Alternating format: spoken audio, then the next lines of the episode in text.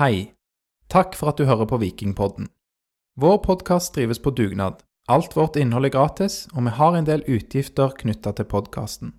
Du kan derfor støtte podden ved å vippse et valgfritt beløp til Vikingpodden, vips nummer 765728.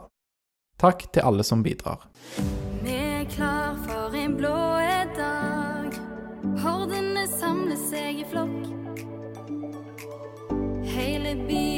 på samme lag, kledd i mørkeblått.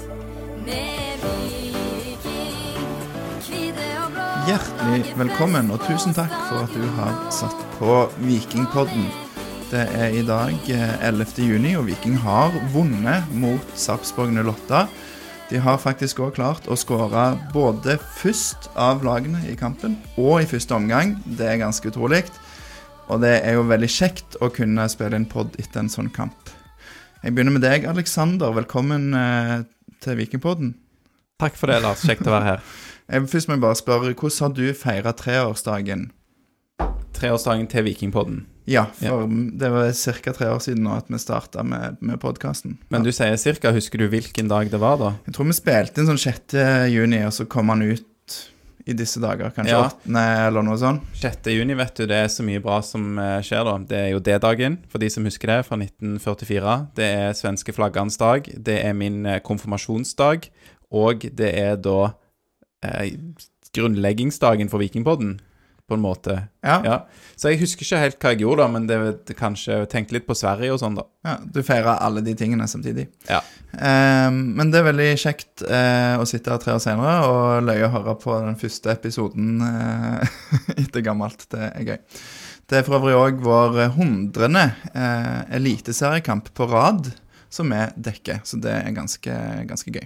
Ja, det har ikke vært mye soving der. Det har vært noen sånne cupkamper og sånn vi har skippa, men ja. Mm. Men episodenummer, Alex, det har jeg ikke skrevet ned her. Det er 176. Takk. Det er ikke jeg som alltid pleier å ta dette, så derfor merker kanskje dere som hører på, at det var, ble litt sånn Ja, du er så god, Lars. Kjør på. Ja. Fortsett. Fin intro. eh, Men litt uhøflig å begynne med de faste, og så la vest, ja, gjesten sitte og vente. Eh, gjesten vår i dag dropper rett og slett fotballtrening for å være med oss. Det syns jeg er stas. Det er en Og nå har jeg henta fra Twitter-biografien. Blackburn Rovers og Viking FK-supporter. Lærer, live-reporter for NTB.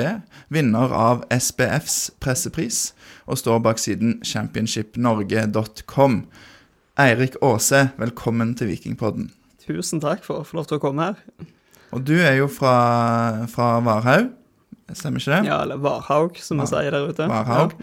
Ehm, jeg har skrevet at du er Varhaugs store sønn, men det er kanskje rett etter Lars Gautebø. Ja, I Vikingbåten da må nok Lars Gautebø være den største, tenker jeg. Det stemmer. Ja. Nei, men, eh, men kan du bare spørre først ehm, Er det Lars Gautebø som var liksom grunnen til at du begynte å følge Viking, eller er det Eh, Det er andre grunner til det, men eh, det har kanskje vært med i bakgrunnen. Jeg vet ikke, men far min han er fra Sandnes.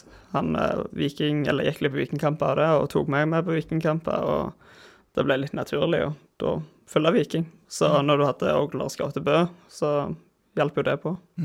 For Varhaug, Varhaug er det litt eh, Bryneland, egentlig, eller? Ja, det er jo egentlig midt i Brynland, eh, men så er det av Lars Gaute, og så har det det er ganske blanda, tror jeg. Eh, Før har det vært veldig blanda, nå er det jo mer overtall med Viking. Nå eh, jeg er jo lærer, som du nevnte, og på, på skolen der er det det er mest Viking. Det er lite Bryne, så det liker jeg. Det er godt å høre. Det er godt å høre. Det er alltid stas å ha med lærere i, i podden, må jo jeg, jeg si. Ehm, men Blackburn, hva, er- hva er greia der? For du er jo ganske, ganske Følger de òg ganske tett? Ja, det er sant. Det er drakter, rett og slett. Er, mor og far skulle til tur til England, og jeg hadde fotballkort, og de skulle kjøpe drakt til meg, og da valgte jeg den som var finest, og så enkelt var det. så er det blitt mye elendighet ut av det, men eh, drakter er fine. Ja, for de har jo vært litt eh, Altså For de som er på min alder, husker jo de fra Premier League, men du skal ikke være mye yngre enn meg for å liksom ha sett de meste i championship og ja. Det er egentlig bare våre nedturer, så, men eh, som sagt, drakta har alltid vært fine for dem. Også de som er aktive på Twitter, kjenner jo deg eh, Altså, der er det jo Twitter mye om championship, Mm. og, og blir ofte henta inn til, til, til å snakke om championship, da. Du har Mm. vært med i både NRK og andre litt Ja, med all respekt, Aleksander, større enn Vikingpodden. Ja, marginalt større enn Vikingpodden. Ja. Ja, det er jo enorm interesse rundt championship eh, i Norge. Så, men når Blackburn rykket ned, så det var ingen sånn side om, om championship. Da, da følte jeg jeg måtte prøve å lage det, og så bare ble det vanvittig interesse, og så har det bare fortsatt. Så jeg er veldig glad for jeg gjorde det, for jeg har opplevd mye gjennom det. Nå havna jo Blackburn på um, syvendeplass um, i år, Eirik, og skal ikke spille i Premier League eh, Mm. neste år. Eh, men er det sånn at du har et slags problem hvis Blackburn faktisk rykker opp, da? Nei, det, det er mange, det er det alle lurer på. Men faktum er jo at de rykket jo ned til League One, og jeg fortsatte jo da. Okay. Så hadde de rykket opp til Premier League, så hadde jeg fortsatt. Det Championship er så mye mer enn Blackburn, så Ja. Men litt mer å gjøre da hvis de skulle rykke opp, kanskje? Litt mer å følge med på? ja, det er sant. Men, eh, men eh, det kommer jo ikke til å skje med det første. Så den tiden, eh, ja. Det kan jo være kanskje at du tar den ekstra jobben for å ja ja. det, det, det vil bare være gildt, for å si det sånn. Og så lurte jeg bare på da, Eirik, for oss som ikke er så kjent i disse her forkortelsene, Mm. SBF sin pressepris, Ja. burde jeg vite hva det er? Eh, nei, ikke i Vikingpodden, tenker jeg. Det er supporterunionen for britisk fotball. Okay. Så Ja. det er liksom alle supporterklubbene som er vel under det. Supporterunionen, tror jeg. ja, i, så- Er det i Norge eller Skandinavia? Det er? Norge. Ja. Så har de pressepris, og den deles ut bare av og til. Så det, det er litt stas. ja, kult. Det er ikke så mange som har vunnet den. Det er stilig. Mm.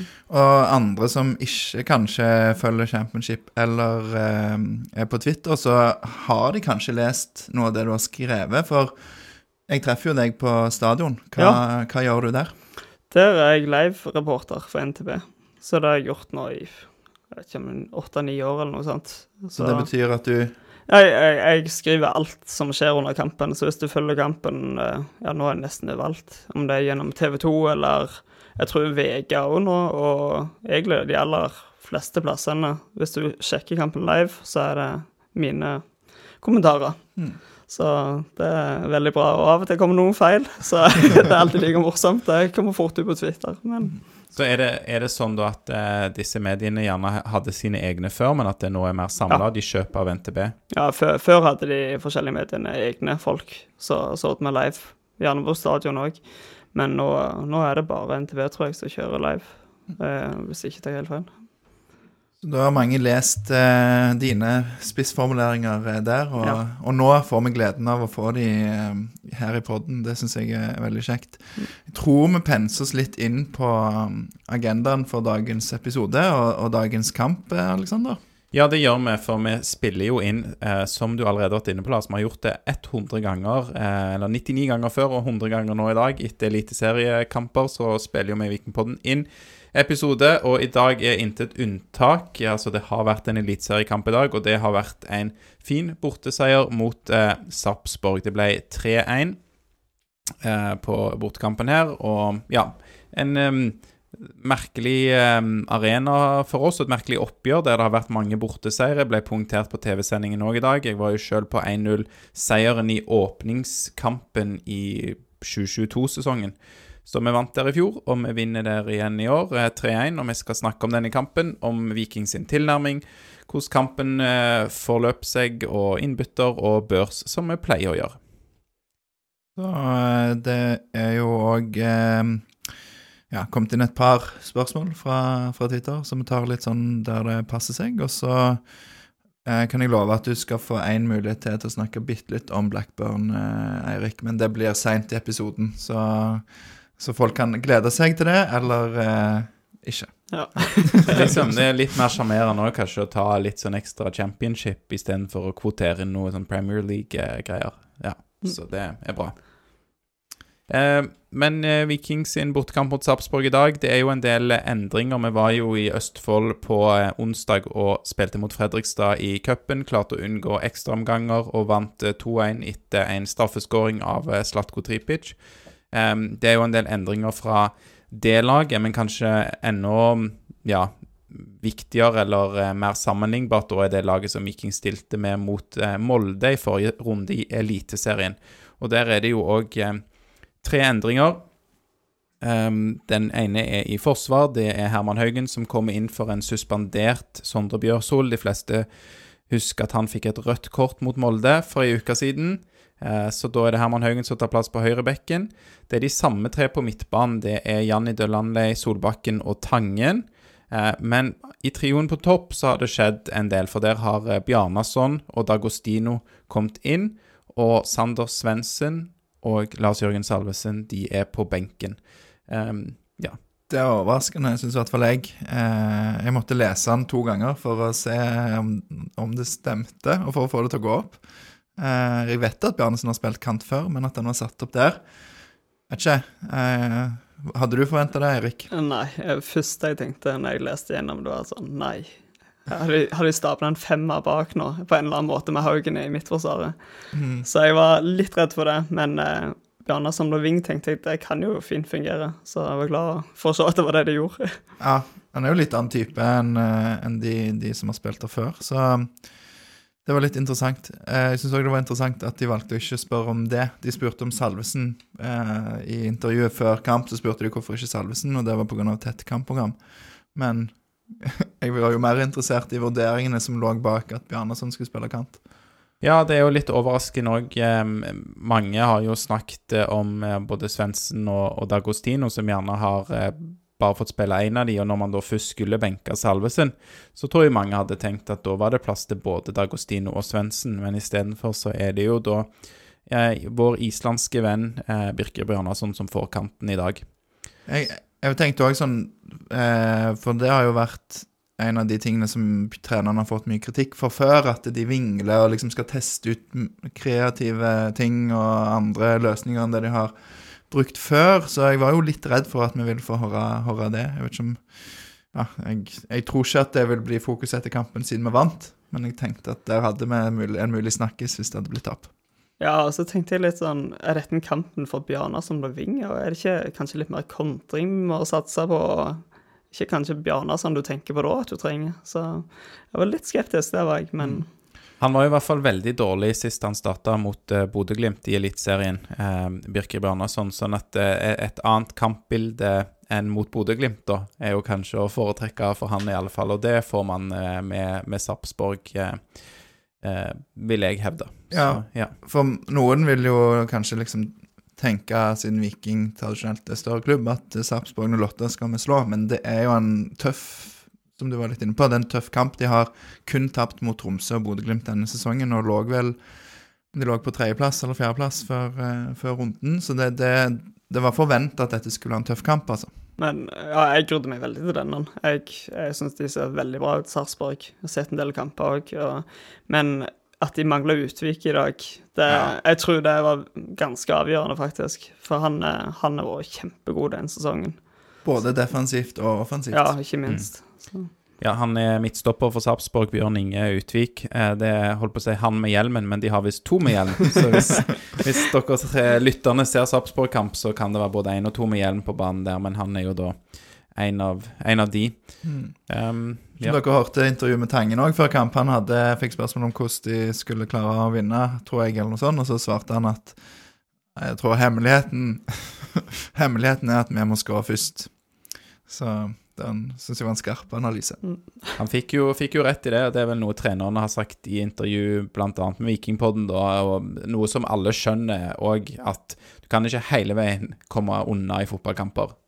Men jeg tenkte og tenkte liksom, hvis det har vært veldig mye snakk om det, at det liksom er holdt seg, kampplanen, at de skal gå ut Nå skal vi, vi må få det første målet Tenk hvis de ikke hadde fått det. Ikke, liksom. Det er de jo uansett veldig vant til. ja, det er sant. Og de har jo, Viking har hatt mange kamper både når de var dårlige i 2022 og aldri klart å vinne en kamp på slutten, og òg i 2023 at de kommer ut og er litt sånn i fyr og flamme i 10-15 minutter og får ikke det målet. Mm. Men i dag så går det, og i dag er de kanskje litt mindre fyr og flamme enn det vi har eh, sett de, eh, eller det vi har sett de før. Og vi kan jo gli inn her i, i starten på på første omgang, for det begynner litt sånn åpent, men kanskje Sarpsborg er farligst? det er jo kanskje litt motsatt enn det vi er vant med. At det faktisk er de som er farligst i starten og starter best. Og så bommer de på en stor sjanse. Og så blir det Viking som heller utnytter det. Og Du var jo inne på det, Eirik, med dette byttet da med Utvik ut. Og hva heter han som kommer inn da? Han hviler. Hvile, ja. passende. ja. Og han eh, Vi kan jo forskuttere det, da. Han får jo bare 45 minutter på banen og har jo en litt dårlig omgang, blant annet på dette 0-1-målet, da, Eirik. Mm. Ja, men eh, han eh, blir liksom pressa veldig av D'Agostino ned mot hjørneflagget, og så Tripic òg god å låse av litt, og da kommer det en dårlig klarering som går rett i Nilsen Tangen. Eh, setter fart mot mål, og så gjør han egentlig en typisk trepitch-avslutning. Lurer ned i, i lengste der, og det, det er deilige avslutninger. Jeg vil ha mer av dem. Ja, det er jo akkurat Jeg var redd for han skulle gå enda lenger, Mm. Men, eh, men det er jo akkurat sånn det skal gjøres. Perfekt. Perfekt gjort. Ja, um, det, er, det er kjempebra. Så tror jeg òg at keeper her er Han ser eh, skuddet litt seint. Han har en, eh, en forsvarsspiller der som, eh, mener jeg, da, kan ligge i, i synsfeltet hans og gjøre at han ser utgangen litt seint. For det er jo ikke kjempemye kraft. Men da når denne forsvarsspilleren ligger der, så tror jeg han går for seint. Og da, da curles den i, i lengste minnsida, og det Mm. er veldig fint.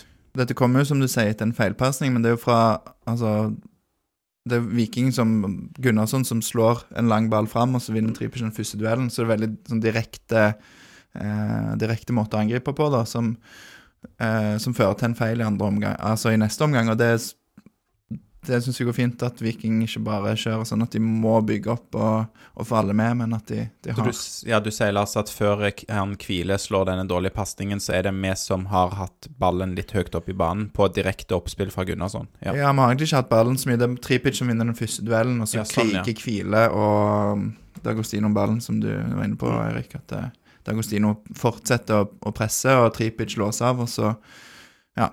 Så det um, lykkes de med, det høye presset. Ja, og Kvile, jeg hørte jo det på intervjuet med TV 2 i pausen, at han eh, sier at han rett og slett bommer på ballen, da. Så det er ikke heller en feilvurdering. Eh, eh, sånn som jeg forstår det, hvis jeg Det høres tynt ut. Det høres tynt ut. Ja, litt. Ja, jeg, men jeg, det, hvis, jeg, hvis jeg skal stole på det Kvile sier Ja. sjøl, så, så tolker jeg det som at han eh, prøver å blekke ballen bare høyt fram.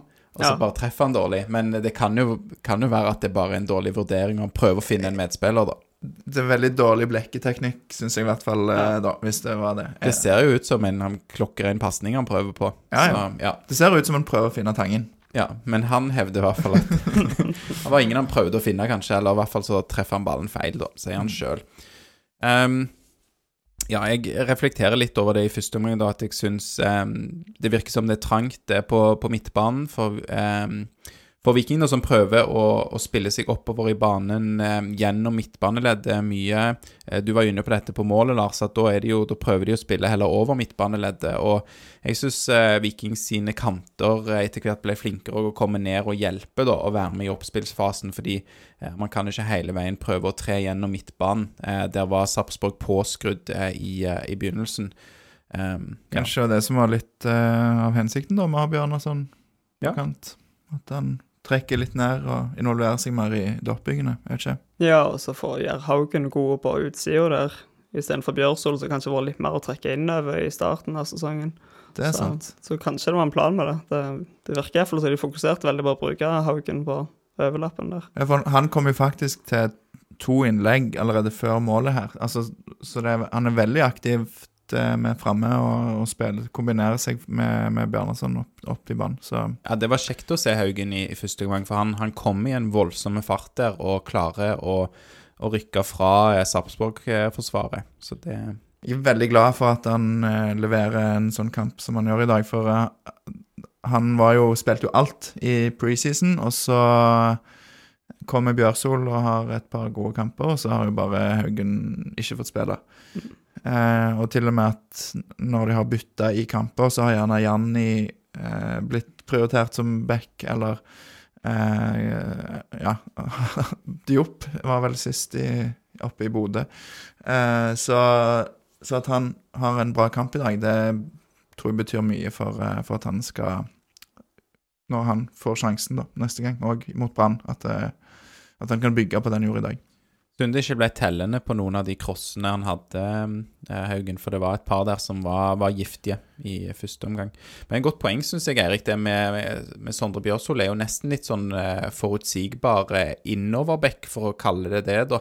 Og, Innoverkant har han sagt sjøl i intervju. han har sagt det sjøl, faktisk. Innoverkant. jeg blir ikke moderne, egentlig, der med innoverkanter som ifra bekken, men eh, ja, jeg, jeg syns det var en forskjell der, med Haugen på sida. Og jeg likte litt at det kom de innleggene, som du nevnte. Jeg kunne gjerne hatt flere av dem. Eh, og jeg tenkte på det under kampen at Sarpsborg er veldig gode på tidlig innlegg. Eh, ofte så føler jeg Viking de er litt for opptatt av å komme helt inn til kanskje 16-meteren før de tar det innlegget. Virker som om det er en assist zone eller hva de har snakket om, eller et eller annet, at det, der må de inn før ballen kommer inn i boksen. Og du, når du har D'Agostino, når du har Tripes bakre, av og til litt lurt på det der eh, tidlige. Ja, og i hvert fall det å kunne variere. Ja, For tidvis så eh, Så tenk, har jeg sett disse tidlige innleggene og så har jeg tenkt at det er jo veldig vanskelig å lykkes med når eh, For det har vært særlig når Viking har spilt mot etablert eh, forsvar, så har det blitt en del av de, og da, da er det litt sånn at de har gått seg litt fast, og så bare OK, vi prøver i hvert fall å slå han inn, og så mm. um, Men i dag er det veldig lite av det, og veldig mye nær til, til linja, som du sier. Mm. Nei, eh, ja. eh, Uforutsigbarhet og variasjon er, er viktig, og der ja, kanskje vi har noe å lære av eh, eh, Sarpsborg der, da, på den eh, innleggsfronten. Um, jeg syns at Viking er gode i det høye presset, spesielt innledningsvis, og så syns jeg vi blir litt uh, lave i første omgang, og det er litt, rett og slett litt slitsomt å se på. Er du, er du enig, Eirik? ja, jeg er enig i det. Det blir kanskje litt naturlig at de tar over kampen, og det koster litt krefter. For de var gode i presset i starten. Jeg syns det var det målet der kom jo som en følge av det høye presset, og det kunne komme flere store sjanser på det med litt marginer. De var litt heldige, Sarpsborg, med til tider. Så det var dumt å se på, ja, men, eh, men det var imponerende fram til det. Mm. Der er jo eh, D'Agostino Jeg syns han er den beste eh, Viking har. Av de, av de som spiller framme. På Ja, på det høye presset, Mm. ja. Um, Lugga litt for han i andre deler av spillet, men, men god på det, D'Agostino. Um, ja, jeg syns jo Sarpsborg da har mest initiativ, men vi er jo ikke eh, ufarlige med heller. Og det er vel på et av disse her um, initiativene fra Herman Haugen er det det at um, eh, D'Agostino eh, prøver helspark inn i 16-meteren, eh, Lars, mot slutten av omgangen. Ja, det er vel i det 45. minutt, tror jeg, så kommer, kommer Haugen til et av disse innleggene sine etter en eh, fin kombinasjon med med Birker Bjarnason. Så, så slår han 45 ut, og Tripic først springer over den ballen. Eh, og jeg tror det ser ut som han prøver å ta den med, med hælen istedenfor bare å måke til. Uh, og så blir kanskje D'Agostino litt inspirert, så han skal òg ta den med hælen. og så, så han sparker eh, utover i feltet, prøver å finne tangen som da står en meter for langt eh, innover i, eller utover i banen. Så, så det ender opp med ingenting. Men D'Agostino helsparket til ingen. Ja. ut av 16. Ut av 16, klarerer for Sarpsborg, blir seende rart ut, men ja. Ja, der er det to, to, to ganske gode eh, muligheter. Eh, statistikken sier vel òg at det er litt eh, færre avslutninger og mindre forventa mål i, i første omgang enn i, i andre. Er det noe du har brenn inne med, Eirik, fra første omgangen, som ikke har tatt tak i? Nei, egentlig bare at det er veldig imponerende å klare å stenge igjen mot et så bra offensivt lag. De, de rolerer, roterer jo veldig mye på, på spillerne fram i angrep, Sarpsborg, så at de ikke kommer seg til noen store sjanser egentlig, utenom den der til Vikne, vel. Det, det var imponerende. Og jeg må si det, når jeg så laget òg, så tenkte jeg eh, Bonsuba, han, han Ja, vingen til Sarpsborg, han er veldig bra. Eh, og når jeg tenker han mot Patinama du har, du har sett Patinama ha trøbbel før mot det tekniske, så tenkte jeg åh, dette kan bli vanskelig. Eh, men de løste det òg veldig godt. Eh, han fikk mye hjelp, og det var imponerende. Og at Soltvedt på venstrebekken ikke fikk så mange gode muligheter med den gode foten sin, det, jeg var imponert av det. Jeg syns kanskje både Tripic og, og Tangen, spesielt i første omgang, var mye mer disiplinerte og flinke til å ta de løpene helt hjem. Eh, særlig en jeg husker der eh, Bonzo bare dribler, så er det Tripic som kommer nesten på linje med femmeteren og, og stopper, stopper han. Eh, og det tror jeg jo bidrar til at Bonsuba blant andre har det tøft med å liksom bryte helt gjennom. da. det er veldig viktig, for jeg eh, Tangen føler jeg Han er sånn spiller som har det det jeg kaller juksepress, der det ser ut som du presser, men du har ingen forventning eller egentlig et eh, Hva skal jeg si Du går ikke inn i presset med håp om å faktisk klare å ta ballen fra mannen ofte. Mens Tripic jukser jo på en annen måte i mitt hode noen ganger, der han ikke tar returløpene helt, eller bare ja, lar det gå. Så den disiplinen som du nevner, Lars, den er utrolig viktig. Ehm, ja. um, andre omgang ehm, begynner vel eh, Ja, best mulig, egentlig, for oss. Ehm, der er det Det er frispark til, til Viking som vi får eh, corner på der, ganske tidlig. Ja, det, det er jo et eh, noe så sjelden som et dødball, dødballmål, rett og slett. Um, det er vel et, et innlegg som Det er vel Slatko som legger det innlegget før òg. Et lavt, hardt innlegg som blir farlig. Og så på den påfølgende corneren, sånn akkurat der han skal være. Og Brekalo Merkelig at han får gå opp så alene der. Han er jo helt fri på hjørnet av femmeteren. Ja, men det, det er deilig å se når det corneret kommer akkurat der. Eh, For jeg føler i år så er det variert mye. Det mye høye baller som ikke var i nærheten, og litt sånn veldig upresist, egentlig. Eh, Og Tripic har jo en god fot, så eh, det er godt å se han bruker den. Så må jeg bare ta en ting til. Jeg sitter på stadion og så hører på i corner, for i år har det ikke vært bra. Det, det syns ikke jeg heller.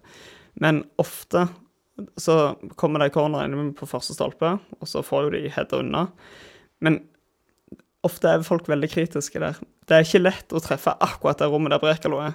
For er du litt for lågt, så treffer du førstemann. Og så er det mange kommentarer, i hvert fall på langsida der jeg sitter, så er det ah, får han ikke over førstemann engang.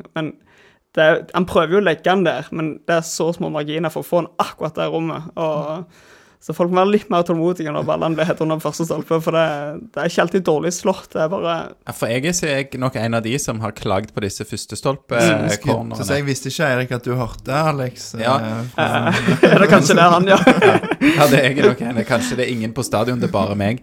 Men, eh, men jeg er nok en av de som har klagd litt på det, og det, jeg vet ikke, det har kanskje også igjen litt med den eh, forutsigbarheten å, å gjøre og prøve på det samme på ny og på ny, men det er jo som du er inne på da, ja, kanskje den eh, Det er ikke mange centimeterne som skiller suksess fra eh, noe som blir seende veldig dumt ut, og slår du da eh, ja, disse eh, cornerne på første stolpe en halvmeter meter for lavt, så blir det jo i hvert fall seende dumt Ja, ut, da. ja, og det er litt annerledes. Det er jo dårlig. Men Ja. kommer de rett over hodet på han første mannen der, så er det ikke mye om å gjøre at det er perfekt corner. Det er Ja. mye verre med nesten litt høye ballene som keeper har full kontroll på, som bare plukker ned, eller som ikke er mål og mening på. Det, For, for mye luft, ja. ja, det er mer frustrerende for meg, iallfall. Så måtte bare få det ut.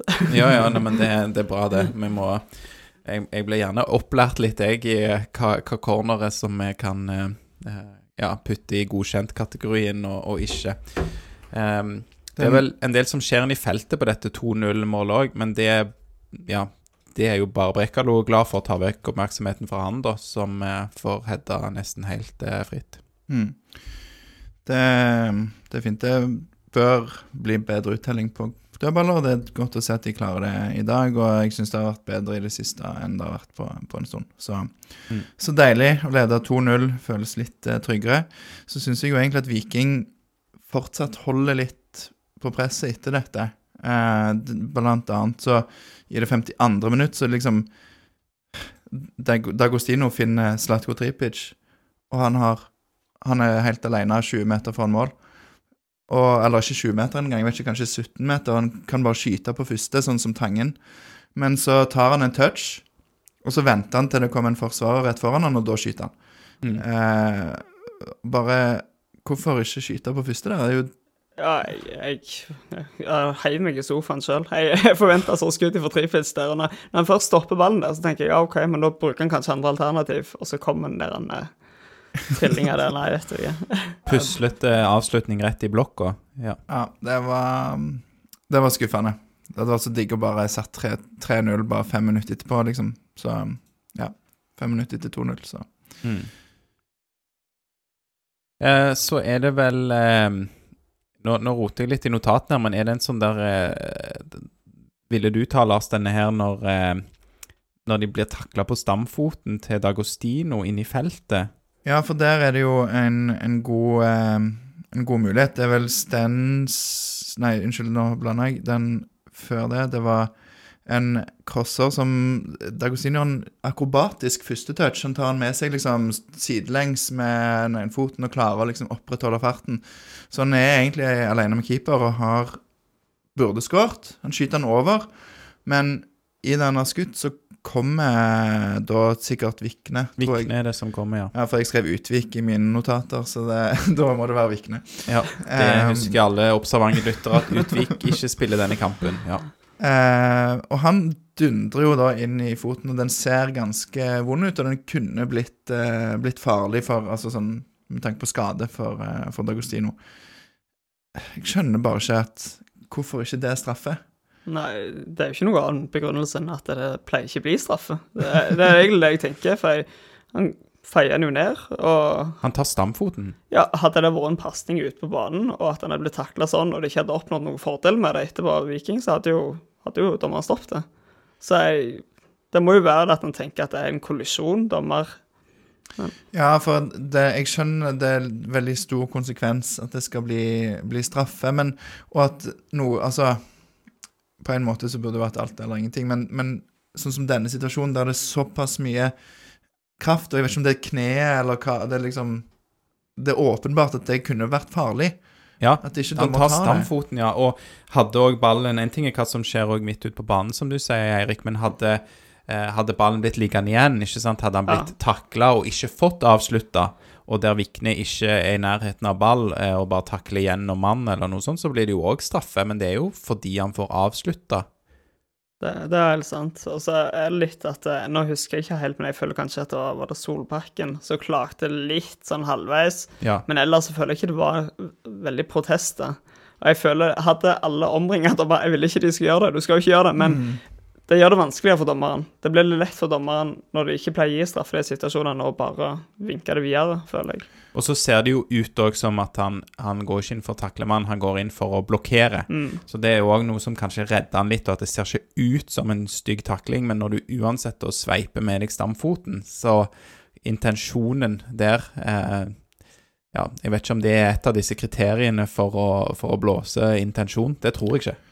Det Det ser du jo i hvert fall eh, Sondre Bjørsvold fikk rødt kort mot Molde. Molde. Har ikke noen intensjon om å sparke noen i hodet. Så- Noen mener jo at han hadde intensjon, og jeg syns det er helt sykt at noen kan mene det. Men uh, Ja, Siden du nevner det, kan jeg jo bare ta det opp. For jeg har lest i Twitter, jeg har hørt på podkasten siste uka, at eh, Bjørsvold får tyn for at det er hodemist og hva han holder på med. Og jeg kan ikke forstå at noen kan tro at han gjorde det bevisst.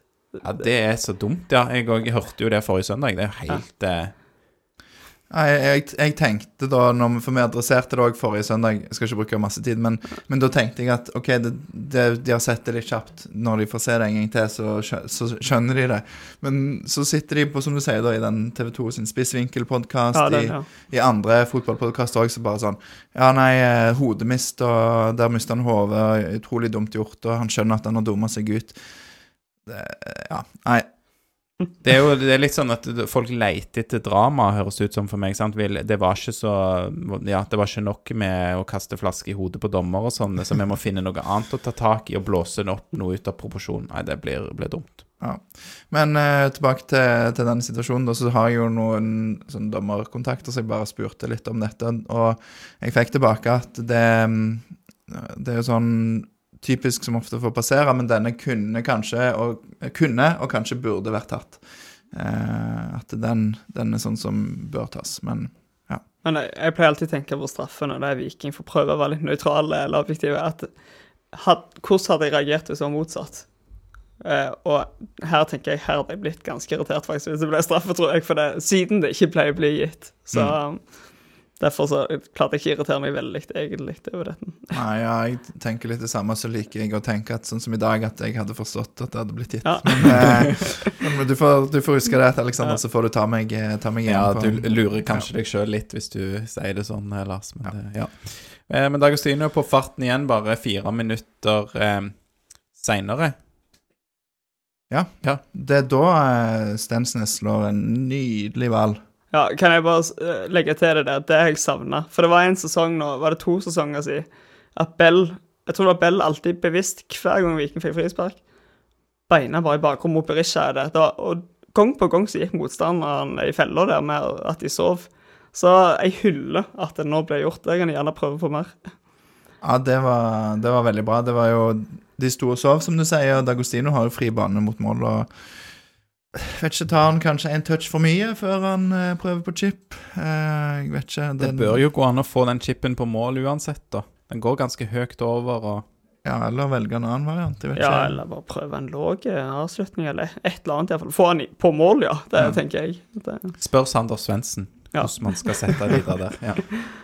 Nei, da har Dag, Daggers hatt to som han burde satt, i hvert fall. Mm.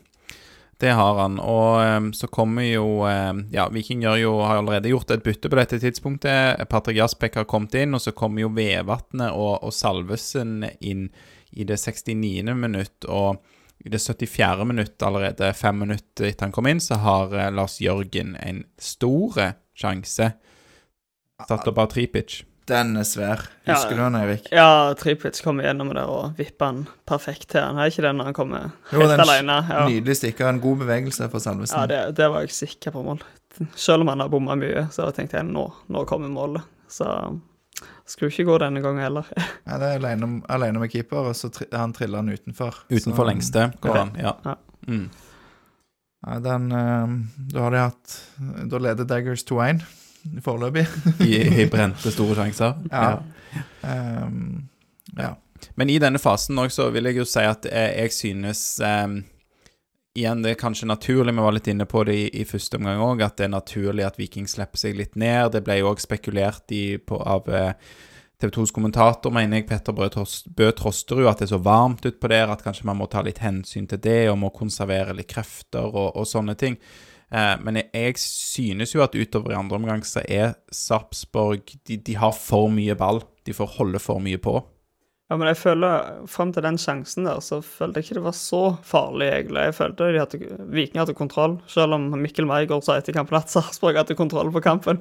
De Så, var, Hvis Det er de prøver å kontrollere en tap, Ja. så har de jo en slags kontroll. Det, Ja. det er sant, Men jeg følte Viking de, de lå godt, og det, det kom, du visste det kom sjanser hele tida. Brekalo, Brekalo var god. Ja, de, de stoppet der som kom, og det var farlig med overganger. Men akkurat der, på det punktet av kampen, da 70-75 minutter eller noe sånt, så var det Du så at vikingspillerne var et par meter unna ballen i situasjoner hvor de burde vært oppe, var oppe tidligere i kampen.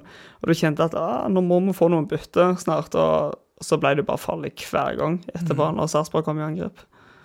Og her har de jo gjort det som de eh, vel ikke gjorde mot Molde, var nemlig å bytte eh, Ja, rundt det 60. minutt kommer Jasbekk inn, så kommer Vevatnet Salvesen inn i det 70. eller 69., så de jo, skal jo ha litt eh, friske bein, men eh, det som du sier, Erik, da, da, da begynner vi å være litt lenger ifra. De får slå ganske mye flere legg. Eh, det var spesielt innlegg som, som ble farlige da fra, fra Sarpsborg. og eh, ja, du, mm, vi klarer jo å renske unna veldig, veldig mye, men det er klart det er jo mye bedre hvis disse leggene aldri kommer.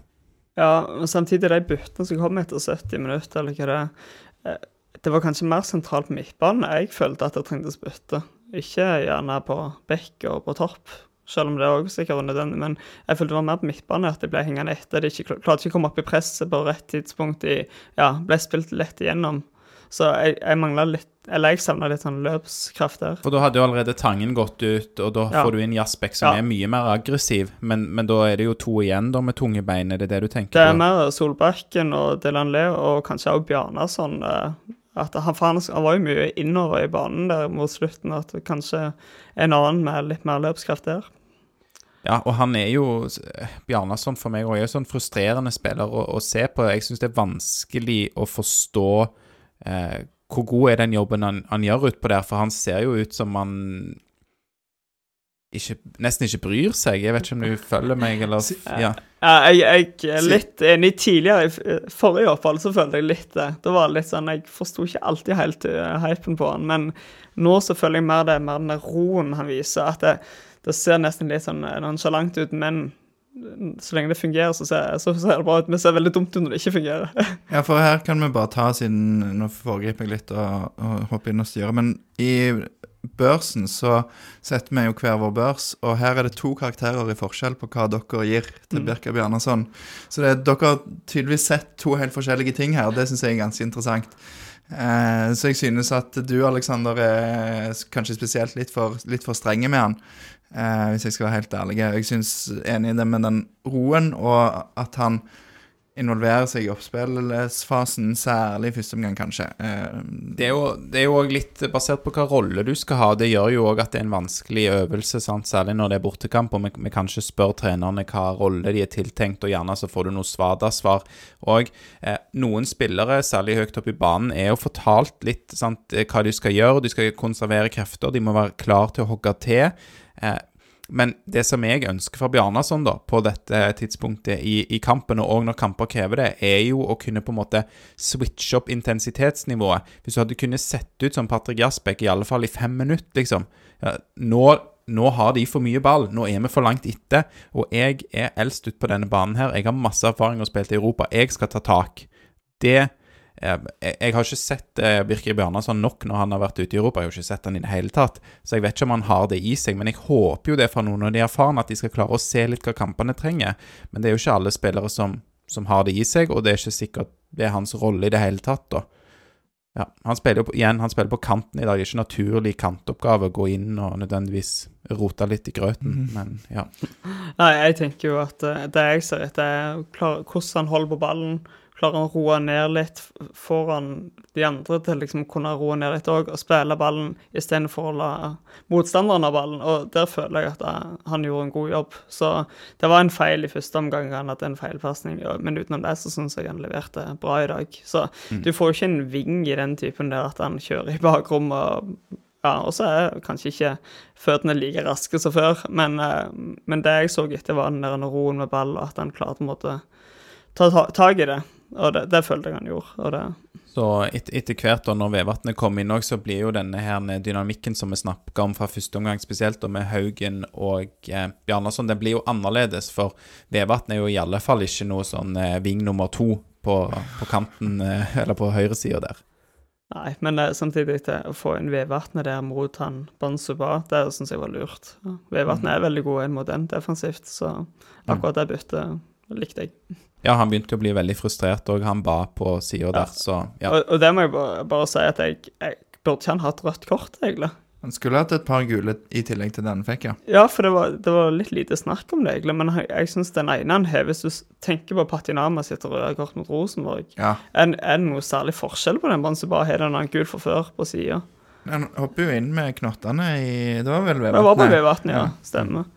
Så Nei, ja, det var vel kanskje òg litt, i- litt i den fasen at dommeren ble Det ble litt hett rundt ørene hans. ja, ja. Og så hadde han vel kanskje en filming òg i Iallfall han kasta seg veldig, og dommer vinkte spillet videre utenfor 16-meteren. Ja. Ja. De viste han ikke igjen, tror jeg, så det ble jo ikke noe snakk om det, men Ja, Den husker jeg ikke, men ja, han Ja. skulle hatt et Ja, det er av og til litt, eh, litt tilfeldig og uh, sjelden òg at man tar tak i de tingene når Viking, da i dette tilfellet, har vunnet. Så blir det vel litt mindre snakk om ofte. Det jeg Ja. synes er veldig bra, er at dommeren i det 75. minutt, når eh, Gunnarsson kanskje Jeg vet ikke, kanskje han gjorde det litt før, men for første gang liksom virkelig gjør noe for å drøye tid, så gir han gult kort med en gang. ja. Så det er jo bra, på en måte. Men Ja, eh, det, det er jo bra, du vil jo at dommeren skal gjøre det fort, men eh, for å være helt ærlig, jeg føler ikke Gunnarsson drøyer noe særlig med tid. Nei, det var Nei, jeg satt og tenkte akkurat det samme. Jeg, bare, jeg satt og noterte litt, og så skulle han bare skyte ut, og så var det gult kort. Han hadde jo drøya ingenting. Nei, ofte så tenkte jeg sånn Gunnarsson, nå må du roe ned. Det, Ja. De led- leder kampen, tar det litt med ro, eh, og så plutselig kom det gule kortet. Så Ja. Men, men det, dette er jo òg det som jeg eh, Eller jeg skal ikke si det er det som skjer, men jeg reagerer jo ofte på at um, dommerne får jo beskjed om ikke sant, de skal manage the match, eller hva de, hva de snakker som match management, eller hva som er det begrepet. Og her er det jo sånn, ja, da hadde jo Sarpsborg hadde fått, fått eh, flere gule kort enn Viking. Da kan vi dele ut det litt. Det virker som en sånn utjevningslek. At da sitter det Hvis Viking hadde hatt eh, leda gulkortstatistikken 5-1 her, har aldri vært når man hadde gitt til Gunnarsson der. Så det, det, for meg er det bare sånn bingo, og det, det dømmes ikke på det du ser, det dømmes bare for å prøve å jevne det litt ut. Nei, det gult kort til keeper betyr jo ingenting. Det er jo bare tull. Det er bare å drøye mer tid, faktisk, når de Så Han vet at han ikke får det andre for det uh, uansett. mm. Men eh, ja, Ja. vi spora litt av. Kanskje vi hadde vi tatt sjansen i det 84. Det var rett før Ja, det er Maigård. Han har jo noen eh, sjanser på rad her, vel. Det er i hvert fall tre, og ett av de blir mål. Ja, det, den ene i hvert fall i det 84. Så det er Stensnes som lager et frispark. Eh, river i trøya til han eh, Bon Suba. Ja. Og for øvrig ikke for gult kort for, for det. Eh, og rufse han litt i håret, og ja, det er jo Det god. det, det, ja, Ja. hadde du tenkt å være kritisk til det nå? Ja, jeg syns det er en uting. Ja, det er en uting, men samtidig, når du har en som er så heit og har gult kort og nærmer for rødt og sånn, en liten sånn, det kunne jeg fort gjort selv på fotballbanen, så det, det kan jeg ikke klage på. Nei, det er jo eh, sånn sett ganske lurt. Det, der klarer han jo å ta seg sammen, eh, Ba, Mm. eh, når han får den rufsingen i håret fra Stensnes. Men, men det kan jo gi rødt kort òg, kan det ikke det? Jeg har jo sett, Var det Cristiano Ronaldo som rufsa noen i håret og fikk rødt kort? Ja, det, ja, det har ikke jeg sett. Det, Jeg mener det var en han eh, fikk. Det var kanskje litt mer sånn eh, oppi i grenseland, oppi liksom ja, fjeset, men eh, ja, uansett. Men i hvert fall på, på frispark etterpå så er det da Janni som glipper litt på markeringen, og så er det Maigård som, som får stå på bakre, og det er en ganske stor sjanse som han header utenfor, heldigvis. Men får flere sjanser, så det går jo bra. Ja, rett etterpå. det Viking ligger lavt, og eh, vi prøvde å se det målet noen ganger, for plutselig så har Patinama tre mann. Ja, Sarpsborg bare plasserer vel fire mann på kanten av 16-meteren, der Viking har to vel inni boksen, og så kommer jo innlegget. Det burde nok kanskje vært en vikingspiller oppi Hans Soltvedt når han legger innlegget. Og så kommer det inn i boksen, og der er det jo kjempeovertall. Mm. Så jeg tror nok de kommer til å bruke god tid på den situasjonen på For her er det sånn tidliglegg som du snakker om Ja. igjen, Eirik. Ja. Ja, og, men det er likevel uforståelig at de kan være vel fire mot to inni boksen der. Det Mm. skal ikke være mulig på det tidspunktet. Så i oppbyggingen der så er det åpenbart et eller annet som er feil, og, og jeg, altså sånn med mine amatørøyne så eh, Kanskje Bjarnason burde vært oppi det han som slo. Kanskje Hvem var det da på Ja, var det Janni som kanskje burde vært ute på uh, Ute på kanten? På det er Vevatnet er det ikke det, og så Vevatnet kanskje jeg Men det, ja, for det er liksom Vevatnet trukket ganske langt ut, og så er det veldig stor avstand mellom Brekalo og Stensnes. Og så trekker Stensnes litt nærmere Nei, Brekalo litt nærmere Stensnes, og så blir det da tre mann for Patinama. Men Patinama òg Han har jo en mann, og det er jo han Maigard. Så når innlegget blir slått, så ser han jo rett på han. Han står rett foran han, og så slipper han han forbi likevel. Så jeg vil jo si at det er litt en liten uh... Ja, det er en liten minus der på Patinama, og han Jeg vet ikke her om han skal si at han blir eh, ball-watching, eller hva det er, for dette, så hadde han sett på ballen, så kunne han jo òg prøvd å Ja, vet ikke. Mm. Prøve å ta ballen, men Det er det som er vanskelig med de tidlige innleggene. For du løper og forsvarer mens du springer mot eget mål. Ja, det er det. Men, eh, men her, dette er sånn klassisk Patinama. Vi har snakket om det mange ganger, da, der han ikke er smart nok i disse fasene, og ikke orienterer seg og tar ut mann, på en måte. En må jo være litt borti mannen din, da. Vi hadde vel tilsvarende i Bodø. Ja, men også var det en situasjon, og det var rundt om den tidspunktet der, men da kom det et innlegg, og så Haugen klarte å komme foran mannen på bakre stolpe, eller hva det var. Mm, Kjempedefensiv. Ja, jeg husker ikke hvor tid det var, men i fall, og da tenkte jeg sånn at det er det på akkurat de situasjonene. og Hvis Patinam hadde vært der, så hadde det fort vært eh, mål. Eh, Så han har litt å jobbe med på akkurat den biten der. Ja, det, det tar vi jo opp igjen og igjen. Og klart, den er jo, den er jo vanskelig siden han har disse tre, men de slår nå på den ene han har valgt å ta, da, som er Maigård. Patinama skal ha Maigård, og er ja, for soft, liksom. Bare blir stående igjen. Eh, ta ut mannen, da. Ta ut han ene av de tre. Ja, det Det håper jeg at de gjør en god jobb i analyserommet, så vi ikke ser, ser den igjen. Det hadde vært veldig interessant å høre eh, hvordan de kommer fram til det, eller analysere den. Ja, Så, men det får vi nok alle vite. nei, det Og forhåpentligvis aldri se igjen, eller Nei, flua på veggen. Der. Han, er er jo, han Pål Fjelde er jo veldig grei, så hvis vi hadde sagt liksom Hei, kan vi ta en time på stadion, kan du forklare noen ting til oss? Det kan være han hadde gjort det, men eh, skal jo ha tid til det, vi òg, da. Og han. Ja, han har vel noen landskamper òg han Det er, det er litt ekstra travelt for han, altså. Ja. Dårlig timing. Ja. Det er litt dumt. ja, Det vet kanskje de fleste av våre lyttere, men eh, Viking sin eh, analyseansvarlig Pål Fjelde er jo assistenttrener på landslaget, blir vel riktig tittel, er det det? Ja, jeg tror det. Har i hvert fall en, en rolle inn der. Um, kan jo anbefale episoden vår med Pål Fjelde, som uh, jeg syns var veldig interessant å spille inn, og har fått litt tilbakemeldinger på den. Nummer 159. Ja, det er en av de beste episodene av Vikingpodden, faktisk, så sjekk gjerne ut den. De som ikke har hørt eh, samtalen med Pål Fjelde. Ehm, ja, vi tar eh, store sprang og digresjoner i denne gjennomgangen av kampen, som lytterne merker, men vi skal ta og avslutte eh, gjennomgangen av andre omgang om litt. Eh, men i det 86. minutt så kommer Diop inn, og i det 87. minutt så kommer Sander Svendsen inn. Og når Diop kommer inn, da er da er det fem bak. Jeg, jeg føler når det byttet der blir gjort, det er bare sånn Her kommer faktisk utligningsmålet. Jeg føler hver gang Viking gjør det byttet der, enten hiver inn en forsvar, da, vet jeg at nå kommer det snart et mål. Så det var, det var godt det ikke gikk sånn denne gangen, selv om det var veldig nærme. Ja, fytti grisen. Jeg har jo følt i tidligere kamper i årets sesong, når de gjør lignende ting, da blir det seende veldig kaotisk ut. Så ja, litt eh, kanskje på linje med deg, Erik, at det, det Man ønsker jo å være kyniske og bare ri det av, men at man blir bare usikker istedenfor. Men Jeg, følte meg ikke tryggere, iallfall, når Nei. kom inn. Ikke noe mot han, men bare det at det blir Mm, ja, for mange, De har jo allerede bytta ut bekken, ikke sant? så kommer han òg inn, og så skal det være fem bak, og ja, nei. Men rett etter dette byttet så er jo Viking som først eh, setter opp et angrep, har mange trekk i laget. Der er denne med at eh, Patinama legger inn til Sander Svendsen, som tar en sånn akrobatisk eh, avslutning.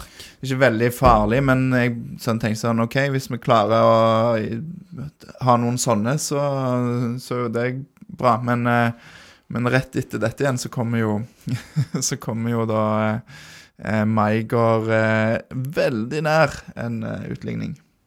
Ja, det er tredje headingen hans, Mm. minst. Så ja. Det, held, heldigvis utenfor. Ja, litt for lite kontakt. At han liksom ikke får nok hode på ballen til at han endrer nok retning, så han sniker seg utfor. Og så er det nærmest eh, rett etter dette da at Viking putter 3-1, er det ikke det? Ja, et minutt og to eller kanskje, noe sånt. Ja, og det er jo en fantastisk kontring. Det er bare Vi hadde jo den der målet mot Lillestrøm. Det òg var liksom fan- klikk-klakk helste kontring der, og her er jo akkurat det samme. Det Ja. Ja, det er Patinama som bryter og finner Altså Patinama, Salvesen, Gjersbekk. Og så Gjersbekk i bakrom til Sander Svendsen, som alene med keeper eh, gjør ingen feil. Ja, veldig bra eh, bytt, brutt, uh, unnskyld, av eh, Patinama der. Og eh, spiller jo til Salvesen som på ett touch eh, setter opp Jasbekk. Så Salvesen har jo gått ned for å møte, eh, er ganske dypt i banen, og, og spiller på ett touch til Jasbekk som kommer på venstre kanten, da. Eh, og utrolig bra eh, Ja. God ball fra, fra Gjersbekk der, altså. Den, eh, det er høy klasse. Ja, alt, alt funker jo der, sant. Han, Svendsen holder seg fint på offside-grensa. Det er jo en slags sånn to mot én med Jasbekk og, og Svendsen. Og han holder igjen løpet lenge nok, eller ligger bak, sånn at han ikke løper i offside. Og setter jo veldig fint. Eh, en av få i dag som Ja. utnytter de situasjonene alene med keeper. Ja, du sa vel at de måtte lære av han, sa du ikke det? Tidligere disse to Det var, andre. det var et frampek, ja. Um, så ja, det, det var nå, Jeg vet ikke hvor tid det var, men det var jo Salvesen hadde jo én til som han bomma på. Men eh, det var kanskje etter dette igjen. Det var etter dette, det var i 95. minutt at han um, skyter utenfor på, på sånn crosser fra Patinama opp i banen. så det ble 2-2 mellom Dagostino og Salvesen i sjanser. I gigabom, ja. Ehm, men, uh, men det er veldig Altså igjen, da, disse byttene som de har fått uttelling for eh, en del denne sesongen. Her er det Svendsen og um, og Gjersbekk som har kommet inn, som har målgivende og mål. Uh, det lover han god benk, og her gir det jo målpoeng, og heldigvis at det kommer Ja, at det ikke blir utslagsgivende andre veien. Ja, så er det viktig med friske føtter der, og ha noen løpssterke. Og Svendsen sa jo det vel i intervjuet etterpå, at han, han visste at det kom muligheter. Han måtte bare ta det sånn her, og det ser du jo. Ja, når du du betalt. Og han hadde jo sett at det var åpna seg på den siden eh, tidligere òg, så Nei, det var en eh, Kunne en trekke lettelsens sukk? Nei, jeg vet ikke. Jo, jo, da kan en eh, da puste i hvert fall roligere da når eh, man er tilbake i ei sånn eh, tomålspute, som de ville sagt på engelsk. Og um, det som jeg òg syns er veldig kjekt um, med dette målet, og nå er det litt creds til TV 2, det er at de har jo en sånn dronefilming på dette. Så det er, det er så fint å se det målet når du har det der høye perspektivet fra, fra dronefilmingen. Det er jo helt uh, magisk. Jeg vet ikke om det finnes eh, bedre underholdning, så ja. Ja, Det var veldig kult. De brukte det jo en del på repriser og sånn, så det, var, det ga noe en ekstra dimensjon til Ja, Få mer av det.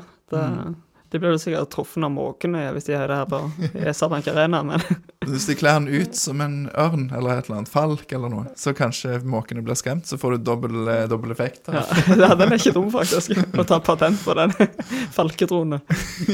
For, eh, for å gjøre det. Jeg, jeg har aldri jeg har, Eller jeg har det, men det er veldig lenge siden jeg så en eh, Viking hjemmekamp eh, på TV, så jeg vet ikke om de har hatt eh, sånne dronebilder derfra.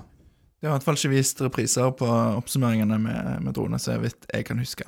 Jeg tror Nei. ikke det, men de har vel kanskje det sånn eh, trådene òg hengende. Jeg har ikke sett etter i det siste, men jeg vet ikke om det er Det også. henger sånne tråder, ja. Ja. Jeg trodde det var for fugler, jeg. Men ja, er det, det ikke det? Men jo, jo at det, dro, det blir vanskelig for dronen, Å, kanskje. ja, jeg sånn, vet ja. ikke. Ja. Men de må jo være over, Er over? taket uansett, tror jeg. Det er jo sånn Ja, kanskje. Sikkerhetsting på det. det er kanskje òg faktisk lettere å få bra bilder på disse litt mindre stadionene. Ja, stadionene Stadionene Stadi... Stadioi? Ja. Stadioi? Dere to er jo lærere, så dere får eh, ta ansvar for eh, eh, riktig uttale og sånn. Men eh, uansett, eh, poenget var bare at det er vanskeligere kanskje å fly. Du får i hvert fall ikke dette ene perspektivet, da, eh, som er at du er ganske dypt og langt bak banen på langsiden. Eh, det blir jo vanskelig når du har en eh, overbygd stadion, sånn som Viking har nå. Mm. Ja. um, Nok om det. Nok om, nok om droner og eh, ja, veldig eh, sy mye synsing fra min side, i hvert fall. Ja. Um, var bra, um, bra kamp, eh, synes jeg. Eh, vi har snakket allerede litt om byttene. Vi gjør jo disse fem byttene. Jeg tror ikke vi tar noe mer om det. Vi kan jo ta et par innspill. Jeg vil bare, før vi går videre der, så byttene Jeg sitter da før selvfølgelig disse siste byttene blir gjort. Egentlig ganske fra kanskje 65. minutt tenker jeg at er, dette, er dette endelig kampen der vi liksom tør å bytte inn Edvin Austbø for kanskje Tripic, sånn at du får en litt annen type ving som kan holde litt på ballen, kanskje, og eh, utfordre på en annen måte? For Edvin Austbø har jo liksom blitt snakk om at han skal få spille. Han eh, eh, Ja, vi tør å satse på de unge, men hvor mange minutter har han? Det er ikke voldsomt eh, mange i Eliteserien, i hvert fall. Og igjen, i dag spiller tre på kampen, og han spiller ikke dårlig kamp, men både han og Bjarne som går liksom litt tomme eh, før da han eh, Bjarnason ble tatt av. Ja, Tripic òg ble tatt av sammen med Bjarnason. Ja, unnskyld. Ja, så Ja. spiller ikke hele kampen. Men, men at dette At Edvin Austbø sitter hele kampen på benken igjen, kamp etter kamp, jeg vet ikke. Det, Ja, jeg, jeg føler ikke at det var kanskje kampbildet å komme inn i. Jeg kan, hadde kanskje blitt springende litt med imellom hele kampen der, hvis han kom inn på nå. Hadde det fått det 3-0-målet som vi snakket om tidligere, så hadde det kanskje vært perfekt å komme inn i, men Ja. jeg, jeg, jeg så ikke og savna han i dag, det gjorde jeg ikke. Jeg tror jo at um, han, eh, Edvin Østbø var han som kunne pådratt han Bonsu ba et, eh, Ja. et rødt kort. da Sette han inn der til å trille litt ball med han, og så ja, kanskje da hadde det framprovosert noe. Men det er jo ikke det som er viktigst i denne kampen. mm. Nei, altså, jeg skjønner jo at det, det er vanskelig når du har eh, Når du har brukt mange millioner på både Dagostino og Salvesen, så de må liksom spille. Og så har du Svendsen, som har vært god, så han må jo òg spille. Og så har jo Tripic, eh, som sikkert har kontrakten sin, at han må spille. Nei, han har, eh, han har vært bra. Han var bra i dag, da. Men, eh, men da er det jo vanskelig å få plass til, til Austbø, så vi kan jo ta et, et av de innspillene som eh, kommer på Twitter, er fra en som heter Salten på Twitter, som lurer på om Austbø burde søke seg et utlån eller bli lånt ut. Ja, jeg tenker at det kunne vært lurt. Iallfall med de lånereglene som er i Norge, med at du kan bli henta tilbake veldig fort. Eh, Du ser jo gang på gang eh, spillere som gjør det bra når de kommer ut, og vil, for han ville gjort enorm forskjell litt òg. Og og vist i Obos at han hadde levert. Så jeg, jeg håper faktisk at han går på utlån, men Så er det jo òg litt andre hensyn å ta for disse som fortsatt går på videregående og sånn, da. Det er de som er ja, har fullført videregående, kanskje terskelen er litt mindre for de. eh, For de har eh, de, de kan jo velge å fokusere på andre ting utenfor, utenfor fotballen, men eh, de fleste, sånn som Edvin Austbø, som er født i 2005, har jo videregående å ta hensyn til. ja, men så har du jo det er jo sommerferie snart. Og det, Ja, det er sant. Et det utlån nå er jo Vi lærere har jo et par uker avspasering i løpet av sommeren. Så, men eh, Og det er jo lokale klubber òg som kunne vært aktuelle, vil jeg Absolutt. tro. Så det er et godt poeng. jeg, jeg tror det går noe bra. Du så han Skogvold i Lillestrøm var i starten og var helt enorm. Eh, så noe sånt tilsvarende. Bare tenk den ressursen der. og Da, da hadde det ikke vært lett å ha hatt ham på benken hvis han hadde levert så bra. Skal ikke langt eh, sør for Stavanger før det finnes klubber i Obos-ligaen som sikkert kunne tenkt seg tjenestene til Edvin Austbø. Mm. Ja, det Ja, det er mange hensyn å ta. Det skal jo passe òg. Og så ehm, Ja, nå er jo Viking godt besatt i den posisjonen, men det er ikke liksom Får du en skade eller to, så det, kan det jo bli vanskelig å få gjort den treningen kanskje en, en ønsker. Og han har jo en rolle i treningshverdagen sånn sett òg, så, eh, så jeg skjønner at han At de tenker at han godt kan bli, for han trener, har en god treningshverdag. Han, han får kanskje et innhopp av og til. Spille i De er videre i cupen, ja. Han spilte, spilte 60 minutter eller noe sånt. Han spilte i hvert fall starta kampen mot, eh, mot Fredrikstad. Eh, så ja, nei, det, det blir spennende å se. Jeg håper jo at han kan få lov til å ta litt større plass, da. Ja, men du trenger spilletid. Du trenger å starte flere kamper etter hverandre. Mm. Og selv om Tripic hadde blitt skada nå, så klarer ikke jeg se at Aasbø er den som hadde fått starta kampene heller. Og det er da jeg tenker da er det kanskje bedre med et utlån. Men dette vet jeg nok best nede i Hjortavågen, tenker jeg. Ja, sier ikke det. Nei, stemmer det. Må bare høre på oss òg. Så er det jo sånn, det åpner seg jo kanskje en mulighet til sånn som med Sondre Aukland, for eksempel, som gikk til Jerv. Så der var det jo mange spillere som ble skada, så de trengte spillere. Så Aukland gikk jo inn dagen etter han kom til Jerv, og har spilt alt siden. Og har vært, eh, ut ifra det jeg har sett, i hvert fall, så har han vært ganske bra. Og mm, kan vokse på det. Så det er jo kjipt hvis han blir lånt ut til, til Bryne og sitter på benken der, enn heller enn å sitte på benken i Stavanger. Liksom. Det Ja, ikke det er jo et godt poeng, da, som vi så med Rugland Re-keeperen, f.eks., som eh, dro til Levanger for å spille, og så, så får han ikke spilletid. Og eh, Austbø er jo også såpass ung at det kunne jo ha skjedd. Altså, det kan jo skje med hvem som helst, men han er jo en del yngre enn Sondre Auklend, som allerede har spilt mye på Obos-nivå. Mm. Det er jo da det er jo da det er så fint med de reglene, hvor du kan hente tilbake med en gang. Eh, Absolutt, ja. Som de gjorde med Rugland Ren. Ja. Mm. Det er sant. Eh, Salten spør òg om eh, Svendsen er en bedre spiss enn eh, Dagostino Salvesen. ja, jeg følte man var det i høst, eller hva tenker dere? Er Løye vi satt hele høsten, så han er Ja. Han, han er i hvert fall en eh, bedre kant enn Salvesen, eksempel.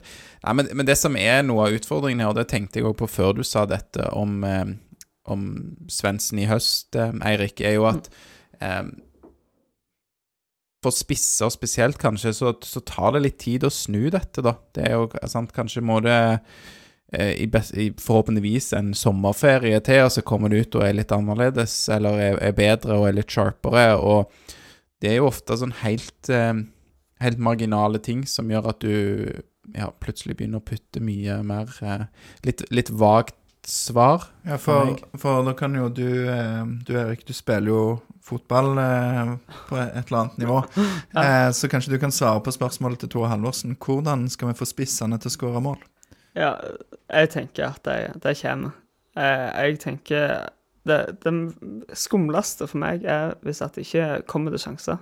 Mm. Og det følte jeg var litt sånn som i fjor høst, at det, det blir litt springende imellom, og jeg får ikke sjanser. Så, ja.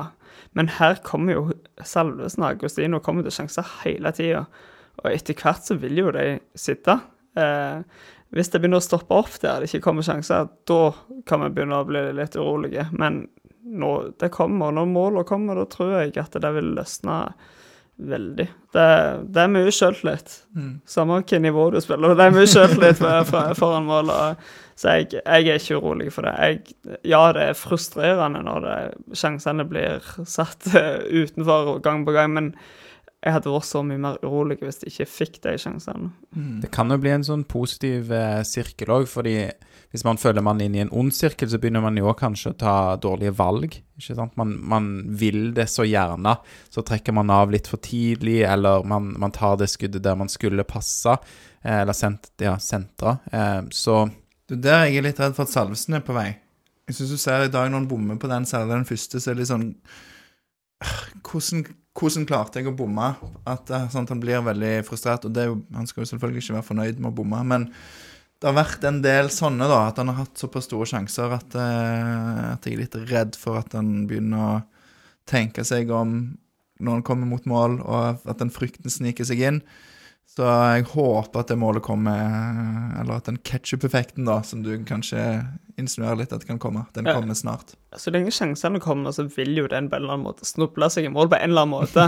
Og da kommer fort den. Skårer han tre kamper bra, så er det jo, lærer vi jo av at vi sitter og snakker nå om alle sjansene og bommer. Så han får ta en prat med, med Kurt Hegre, for det beit jeg meg jo merke i at uh, Symer Butichi, nå var han kant, da, hadde en periode der han skårte for lite mål. Um, og da hadde han jo prata en del med Kurt Hegre, og hva, hva keeper gjør i situasjoner, og um, ja, det er bare frykter for han, da. Ja, og så kan jeg òg eh, Altså, John Karsten Jensen han svarte òg på dette med Tore Halvorsen sitt spørsmål som, eh, om hvordan spissen skal få skåre mål, og han eh, sier òg det du refererer, at sjansene kommer, og at ketchup-effekten kan komme, men han refererer òg til at han mener å huske at Morten Jensen brukte en del tid med Veton, når Veton kom tilbake til Viking, eh, for å få en og få en mål, for han hadde jo ikke skåret særlig mye mål i Brann. Og hadde liksom Det tok en stund før det løsna når han var tilbake òg, i vikingdrakt. Det er ikke noe å huske, men han skåret jo ikke mange mål i starten. Nei, det var jo stor eh, var Mange var jo kritiske òg pga. prislappen når han Mm. kom fra Brann, og så gikk det litt trått i starten. Ja, Men da brukte vel eh, Det var et eller annet, en annen sak om at Morten Jensen Han hadde brukt mye tid med Morten Jensen for å terpe med avslutningsteknikk, sett på video. Eh, sånne små detaljer. Små justeringer. Så ja, kanskje de bare gjør det, da. Ja, ja, Prat litt med Morten Jensen, prat med, med Kurt Hegre, og ja. Men ja, de, de ser jo sant, D'Agostino i dag, syns jeg den, Det presspillet han har, og at han kommer til sjansen, er jo veldig bra, i hvert fall. Han er en sånn spiller som jeg, synes D'Agostino Han ser Han kan plutselig se så veldig junior ut. Han Altså Ja, men øh, jeg bare mener at han øh, Han er Dere bare ler nå, nå er kameraet bare på meg, er bare jeg som prater. Men jeg bare får latter rundt meg. Men eh, han har jo absolutt noe med seg. Han har veldig mye bra. Han har ekstremt tilslag. Han er en veldig god hodespiller. Og plutselig så switcher han om, og så ser han ut som en skikkelig, skikkelig mann, men bare innimellom. Altså, I dag så er det en periode i kampen der det er veldig mye som lugger, og det ball, ballen bare liksom blir brysta ut til kast, og det er litt sånn ehm, Kanskje det, det nesten blir litt sånn svart-hvitt da, av hans litt sånn intense spillestil. At når du har den intensiteten i spillet ditt, og ikke får det til, så blir det seende så veldig rart ut og dumt ut. Um, mens f.eks. Birker Bjarnason, som ser mer sånn der Ja, litt sånn feinschmecker og puslete ut, så blir det mer bare et sånn finslig balltap, kall det det. Og ja eh, Jeg vet ikke om jeg forklarer det på noen, noen god måte, men jeg synes D'Agostino er litt sånn, rett og slett litt sånn utypisk, da. Da lar vi det bare bli stående. Ja. Ja. Jeg har ikke tenkt på det. Nei. Ja, tenk litt på det, tenk litt på det til neste gang. Mm. Eh, skal vi ta neste punkt på eh, agendaen her, Lars? Var du ferdig med disse spørsmålene fra Twitter eh, der? Iallfall de jeg har eh, klart å fange opp før, før vi sitter her. Fordi eh, vi skal snakke litt om børs. Ja, og igjen så spør eh, Erlend Goa om eh, vi ikke skulle bli bedre på å sette børs. Og jeg, nå er vi jo litt heldige, for her har vi en ekspert eh, som gjest. Eh, det er ikke derfor Det er ikke kun derfor vi har invitert deg, Eirik, men hva skal til for å lykkes med en børs? Du har sett jo børs for NTB, gjør du ikke det? Ja, men jeg, jeg tenker det er en ganske umulig oppgave, egentlig. Folk har forskjellige meninger, og det er sånn som jeg òg setter jo børs etter hver kamp, eh, meg og en kollega da som er med, og det er jo bare å orke syn på kampen. Det er jo det være mange ting som er bra, altså, ja, vi ikke får med oss. Eh, tidligere prøvde jeg jo å sette mye sånn pluss og minus på spillerne, og ofte ble det sånn veldig tydelig at spillere som fikk veldig dårlig i Aftenblad eller andre medier, egentlig hadde gjort ganske mye bra, men pga. den ene virkelig dårlige involveringen, så får de dårlig. Så det er så mye forskjellig. Men uh, i NTB der syns jeg vi løste det veldig bra. Der er de, de er vanvittig fokus på børs. De, de legger stolthet i å gjøre det skikkelig. Uh, og ikke bare at jeg og han som er med meg da, går skikkelig grundig gjennom, men vi òg snakker med de som sitter i NTB sin lokale fulle kampen og får på en måte satt en skikkelig der. Um, men der er vi veldig strenge òg, føler jeg, sammenlignet med kanskje med dere eller andre. Det, det, skal litt til for å komme seg både opp og ned i børs. Uh, for eksempel uh, Ja, ja du, du, kommer nesten ikke opp på åtter uten å ha levert vanvittig bra kamp. Og nier har jeg vel kanskje bare brukt én gang, tror jeg. Ja, for den som vinner eh, årets spiller, har vel sånn 6,5 eller noe sånt i ja, jeg, jeg, er faktisk oppe nå. Skal vi sjekke. Lederen nå etter ti kamper er Pellegrino. Han er 6,8. Ja. Så det, det, er ganske rett. For det, det er litt med nivået på Eliteserien at det, eh, du kan vel egentlig ikke få tier på børsen i Eliteserien, ifølge NTB. Eh, okay. Så det går litt på det. Og det kan være bra Tordal fikk den han skåret mot Brann den gangen, men jeg har aldri hørt om noen som har fått IR på børsen i NTB. Mm, men har dere, har dere, liksom fått en sånn liste med kriterier? Ja, ja, ja. Det, er, det, er, veldig tydelig at uh, fem, da er det helt OK. Uh, seks, da er det god. Sju, det er veldig god. Uh, åtte, det er sånn det er årsbeste, kanskje. Okay. Uh, ni og ti, det er egentlig nesten utenkelig å få. Og så det samme nedover. ja, men hva, hva, gjør at en spiller kan få en firer eller treer, da, liksom? Nei, fire det er bare en svak kamp. At du mm. har en svak kamp gjort dårlig. Tre da har du en svak kamp, og du har kanskje gjort eh, involveringer som er avgjørende i kampen. Mm. Typisk. Eh, så treere, da, da føler jeg meg skikkelig streng hvis jeg er nede på treer. Ja, så har det hendt at jeg har fått gitt en toer sjelden gang. Ja, men hvordan, er det òg, da? Ja, det er jo godt å gjøre en sånn kanskje kontrollorgan, for du er jo vikingsupporter, så det kan ja. jo kanskje bli lett å bli litt farga av at du, hvis du digger digga Berisha, f.eks. Han var din store helt i livet. Ja. ja, ja, ja. Det er jo derfor jeg alltid sperrer med han ja. eh, eller de som sitter i NDB, pga. det jeg òg har sett kampen og kommer med innspill. Og, så det blir ikke sånn eh, det blir ikke veldig subjektivt. Mm. Jeg føler jeg er veldig god til å være nøytral òg. Mm. Ja, du er jo lærer, så Ja, ja, ja. Men det er veldig interessant, synes jeg, for det er jo òg noen sånne objektive kriterier man kan se på. Eh, sånn, ja, altså pasningssikkerhet, f.eks. Og hvis du da har eh, 100 eh, uttelling på pasninger, men du har spilt en hel kamp og du har bare 13 pasninger, f.eks., mm. så er jo det OK du, du, treffer på det du skal, men du har jo ikke klart å involvere deg. Så det å veie alle disse tingene opp mot hverandre sant? En som slår eh, 50 pasninger, men har 95 er jo en Tenker jeg da i mitt hode har gjort det mye bedre. Men det skal jo ses opp imot alt som du er inne på, Eirik, med matchavgjørende situasjoner, f.eks. Og ja. Jeg, jeg, tenker det må være mange for å få en god børs, og det må være, det må være mange som har litt annet objektivt syn på kampen eh, for å få det bra til. Eh, og så er det òg sånn som dere tar børs òg eh, dere har tanker om spillere. Dere forventer litt mer av Brekalo og Tripic og dette. Det er jo helt naturlig. Og Kommer det inn en unggutt som ikke har spilt så mye og gjør en OK kamp, så er det veldig fort gjort å trekke han opp. Og Det ble veldig tydelig. og Jeg kan ta det med Tripic, for jeg, du òg sa litt sånn at Tripic har kontraktfestet, og spøkte litt med det. Og jeg ser veldig mye negativt med Slatko Tripic eh, rundt forbi på sosiale medier, at han ikke har levert. Og nei, han har kanskje ikke levert til forventningene, det er jeg helt enig i. Men hvis du ser på det han leverer, så er det ikke dårlig, syns jeg. Og ser du på børsen Nå har jo jeg satt børsen på, på heimekampene, så er jo, jeg er veldig påvirka av børsen hans da totalt sett. Men jeg føler jeg har truffet ganske fint på han. Men han er jo soleklart høyest børs på Viking, på NTB-børsen. Og her er det jo bortekampene til Viking òg. Så er det jo de som sitter på de kampene òg sier børs. Og han har 5,44 i snitt. Neste er Brekelo på 5,20. Og det er bare ja, skal vi seks spillere, så over fem på mm. Viking. Mm. Så det er lett å tenke at du forventer mye mer. og Det husker jeg når Samuel i når han var i Viking òg. For da ga jeg børs. Han fikk ofte OK børs, men egentlig hadde han ofte fortjent mye mer. Men du forventa at han skulle ja, gi underholdning til Mm. som Ja.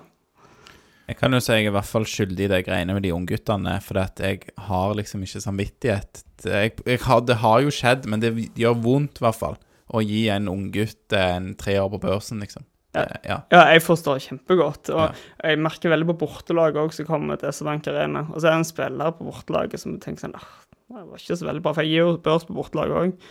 Og så leser du den lokale avisen bare åtte på hans beste, liksom. Altså, Ja. Han var faktisk helt middelmådig. Ja, det skjer gang på gang. Ja. ja, det er jo eh, fascinerende, da. Mm. Eh, I dag så er jo David Brekalo best eh, på vår børs, og det som har skjedd i dag, kan jeg røpe for alle lytterne, er jo at vi tre har vært med og satt eh, børs, og det er en helt sånn matematisk børs. Så eh, vi tre har satt karakterer på alle elleve spillerne, og Vikingpodden sin børs er gjennomsnittet av våre karakterer. Jeg er minst sjenerøs, og Lars er mest sjenerøs, og du plasserer deg eh, midt i midten, Eirik, og så er vår børs da eh, helt gjen, akkurat gjennomsnittet av det. Vi har ikke gjort noen justeringer, da. Det er helt matematisk. Og det som jeg syns er litt fascinerende i dag, da, og dette er første gang dette har skjedd, for eh, vi sjekker jo etter vi har satt vår børs, så sjekker vi òg hva andre har gitt eh, karakterer. Eh, spesielt eh, Stavanger Aftenblad og Rogalands Avis. Og det som har skjedd i dag, at Aftenbladet er jo litt dårligere enn oss på å sette børs. De er ganske gode, men litt dårligere, syns jeg. Men akkurat i dag, og dette er første gang det har skjedd noensinne, på alle de elleve som starter kampen, pluss Patrick Jasbekk som kom inn som innbytter, så har Vikingpodden og Aftenbladet helt identiske børser.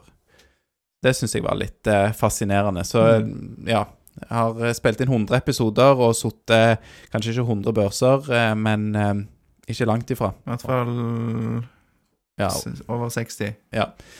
Så da i dag, dag var det, vurderte vi det helt likt. Jeg tenker det er kvalitetstegn, egentlig. Mm. Absolutt, ja. Og vi er jo ikke så objektive heller, da, så jeg vet ikke hva det betyr, men ja. Jeg, jeg, ja, jeg ser jo at eh, er ganske enige i mye, men så er det sånn Dagostino og Bjarnason, så er det liksom to karakterer i spenn, Mm. og så en som gir midt i midten. Det er jo litt eh, Og da er, det da er det kanskje i midten, da, som er rett. Ja, og det er derfor det er godt å ha mange Mm. rundt en børs. Mm. Så eh, ja. Eh, vet dere for øvrig hvor mange pasninger Harald Nilsen Tangen hadde i dag? Åtte. Ja, han hadde sikkert eh, 14. Ja, 13. Ja. Eh, vet dere hvor mange av de han traff på? Eh, jeg har jo sett på noe av det, da, men jeg, eh, jeg, han traff på Jo, han traff på 100 Mm. Ja. Men han hadde tolv i første omgang, så han hadde bare én på de Hva det ble to, Hvor mange minutter spilte han? Fem, Han ble bytta ut i 57. minutt. Ja. Tolv minutter, ja. Så bare én pasning i andre omgang på de tolv minuttene. ja, da hadde de fått nok trenerne. Da, da ryker han. Ja. Det var nok det de satt og så på, telte pasninger. ja. Nei, men fin eh, kamp av Tangen. Kjekt han fikk det mm, målet òg. Så ja. Og i det hele tatt, da, eh, på oppsummeringspunktet har jeg skrevet deilig med et eh, godt resultat nå før landslagspausen. Det har veldig mye å si. Nå får jo mange spillere som ikke skal på landslagsoppdrag, en eh, liten ferie. Og ja, viktig at man begynner ferien når denne kampen eh, i Sarpsborg her er spilt. Og det Ja. Nå kan de ta det med ganske god samvittighet. Så det er fint å være på Det, det kommer jo til å svinge, men å ta ferie på fjerdeplass eller en, en eh, Ja, hva hadde det vel blitt? Uh, Kunne blitt ganske langt ned. Det ganske plass, tett der. Hvis ikke. Ja. Så ja, det er veldig kjekt. Det er jo Berg, Bergens lag som er neste, neste kamp i Eliteserien for, eh, for Viking. Brann på hjemmebane. Mm. Det blir jo veldig gøy. Det er jo en skikkelig ja, en, eh, ja, en skikkelig sånn fin sommerkamp på en lørdag.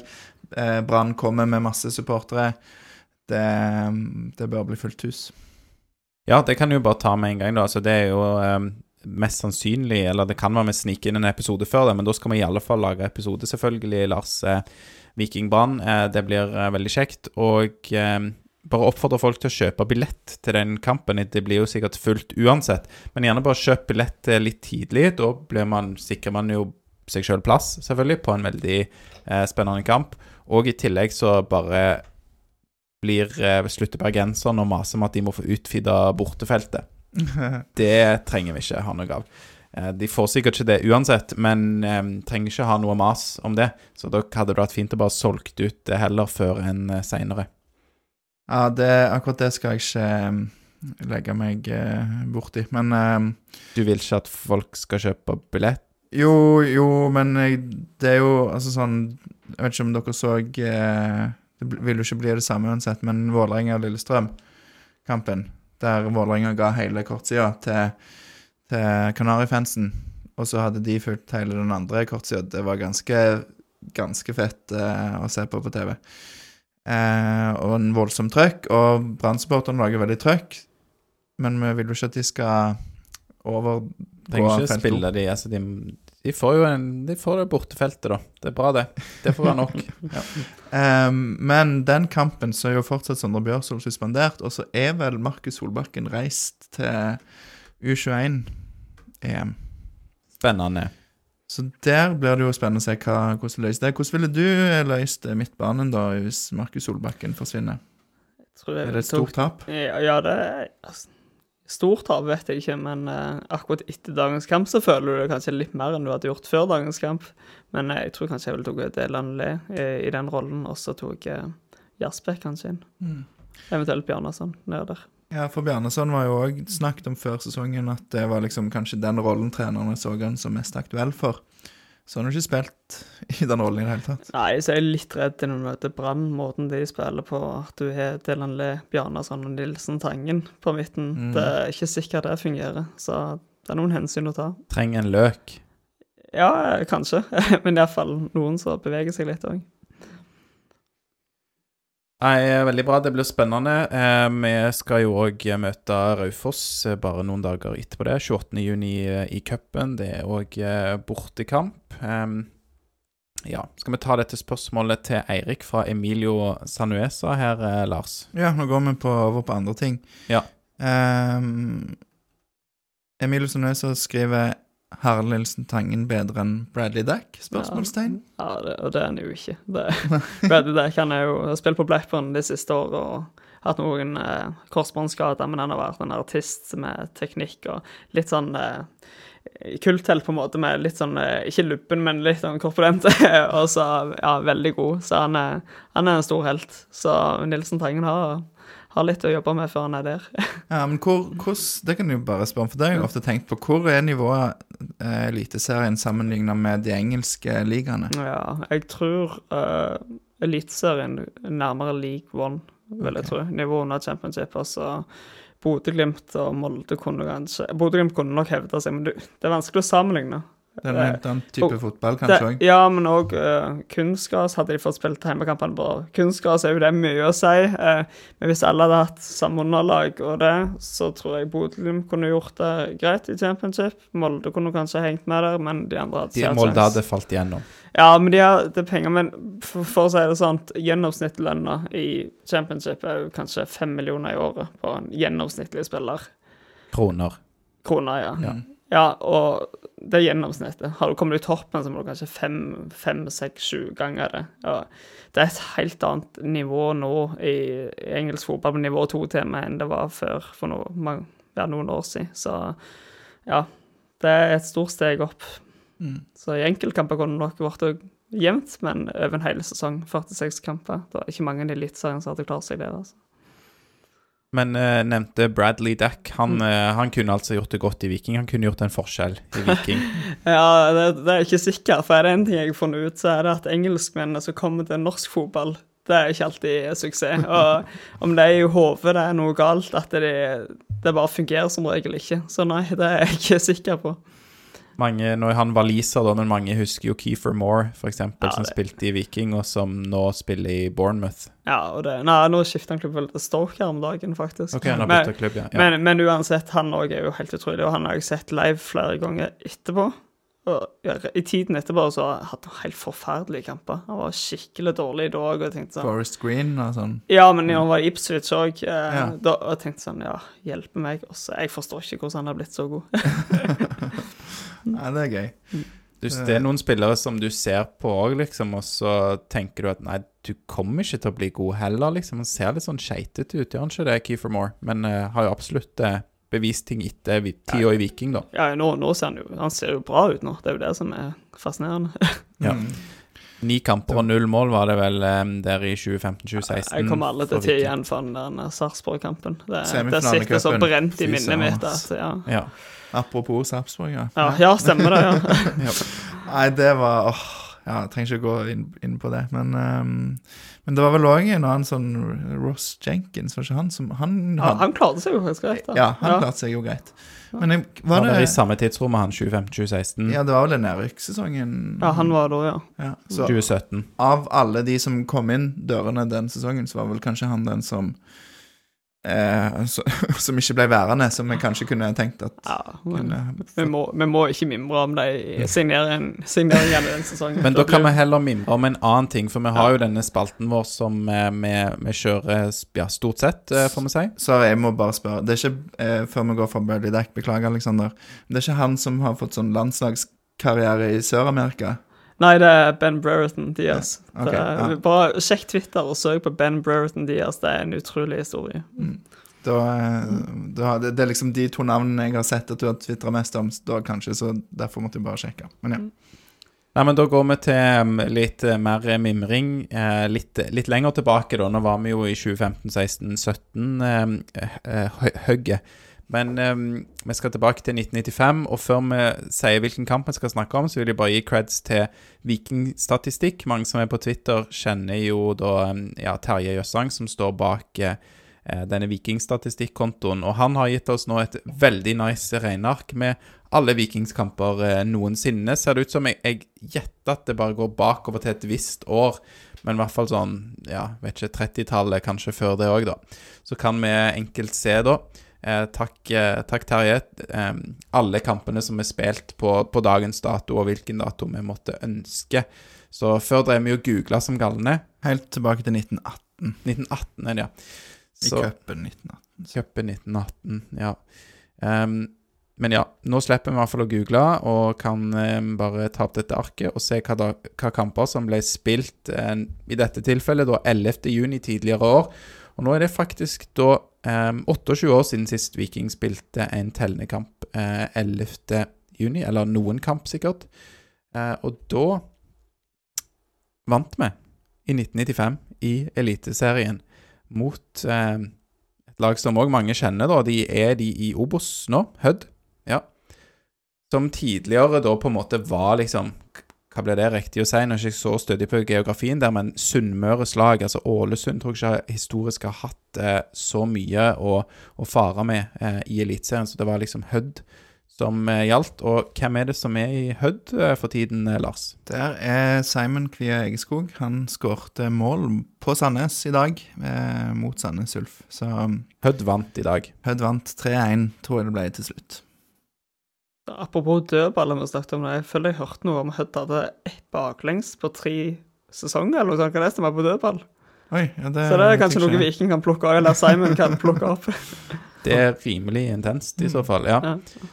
Ja, de må gjerne lære litt eh, der. Jeg vet ikke når Viking da spilte mot Hødd på hjemmebane i eh, 1995-sesongen, altså 11.6.1995.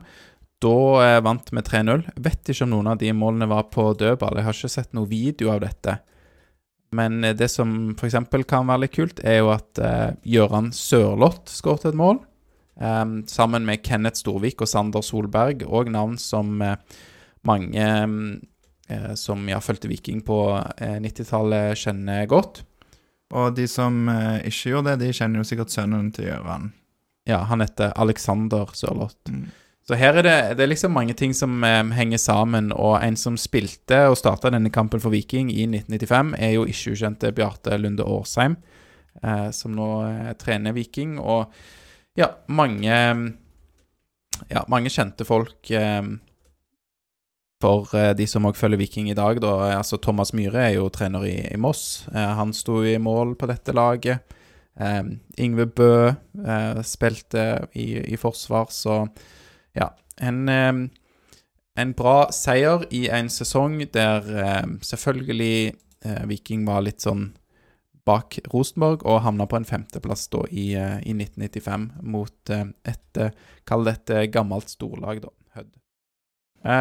Litt om Viking kvinner, Lars, før vi går mot avslutning. Ja, de vant eh, 1-0 i Trondheim mot eh, Rosenborg 2 i dag. Eh, og møter Herd søndag 18. klokken 14.00. Så det er de som har anledning, anbefaler jeg å ta turen. Så det er jo Eh, fint òg, spesielt når det er landslagspause for herrene, da. Kan man legge inn en kvinnekamp. Ja. Absolutt. Og eh, nå tapte vel, så vidt jeg vet, Molde, som òg ligger i toppen.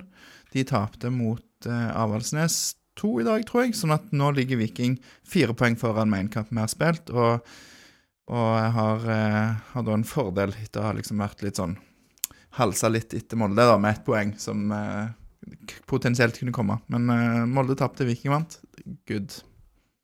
Sånn, sånn vil vi ha det i, på, på alle nivå. Som i dag i herre, På herresiden og på aldersbestemt. Må gjerne si det oftere. Ja. Nei, jeg, Da føler jeg vi har vært gjennom de tingene jeg i hvert fall ønsker å si i denne episoden av Vikingpodden. Er det Eirik og Lars, noe dere Nei, jeg tror vi har snakket mye om mye bra nå. Enig. Jeg er ikke Veldig, noe mer, jeg, i hvert fall. veldig kjekt at du eh, ville være med, og at du droppa fotballtrening eh, for oss i Ja, dag, Eirik. Toget har gått for meg uansett på fotball, så det er ingen problem. Men eh, kjekt å få lov til å være med, i hvert fall. Veldig gøy.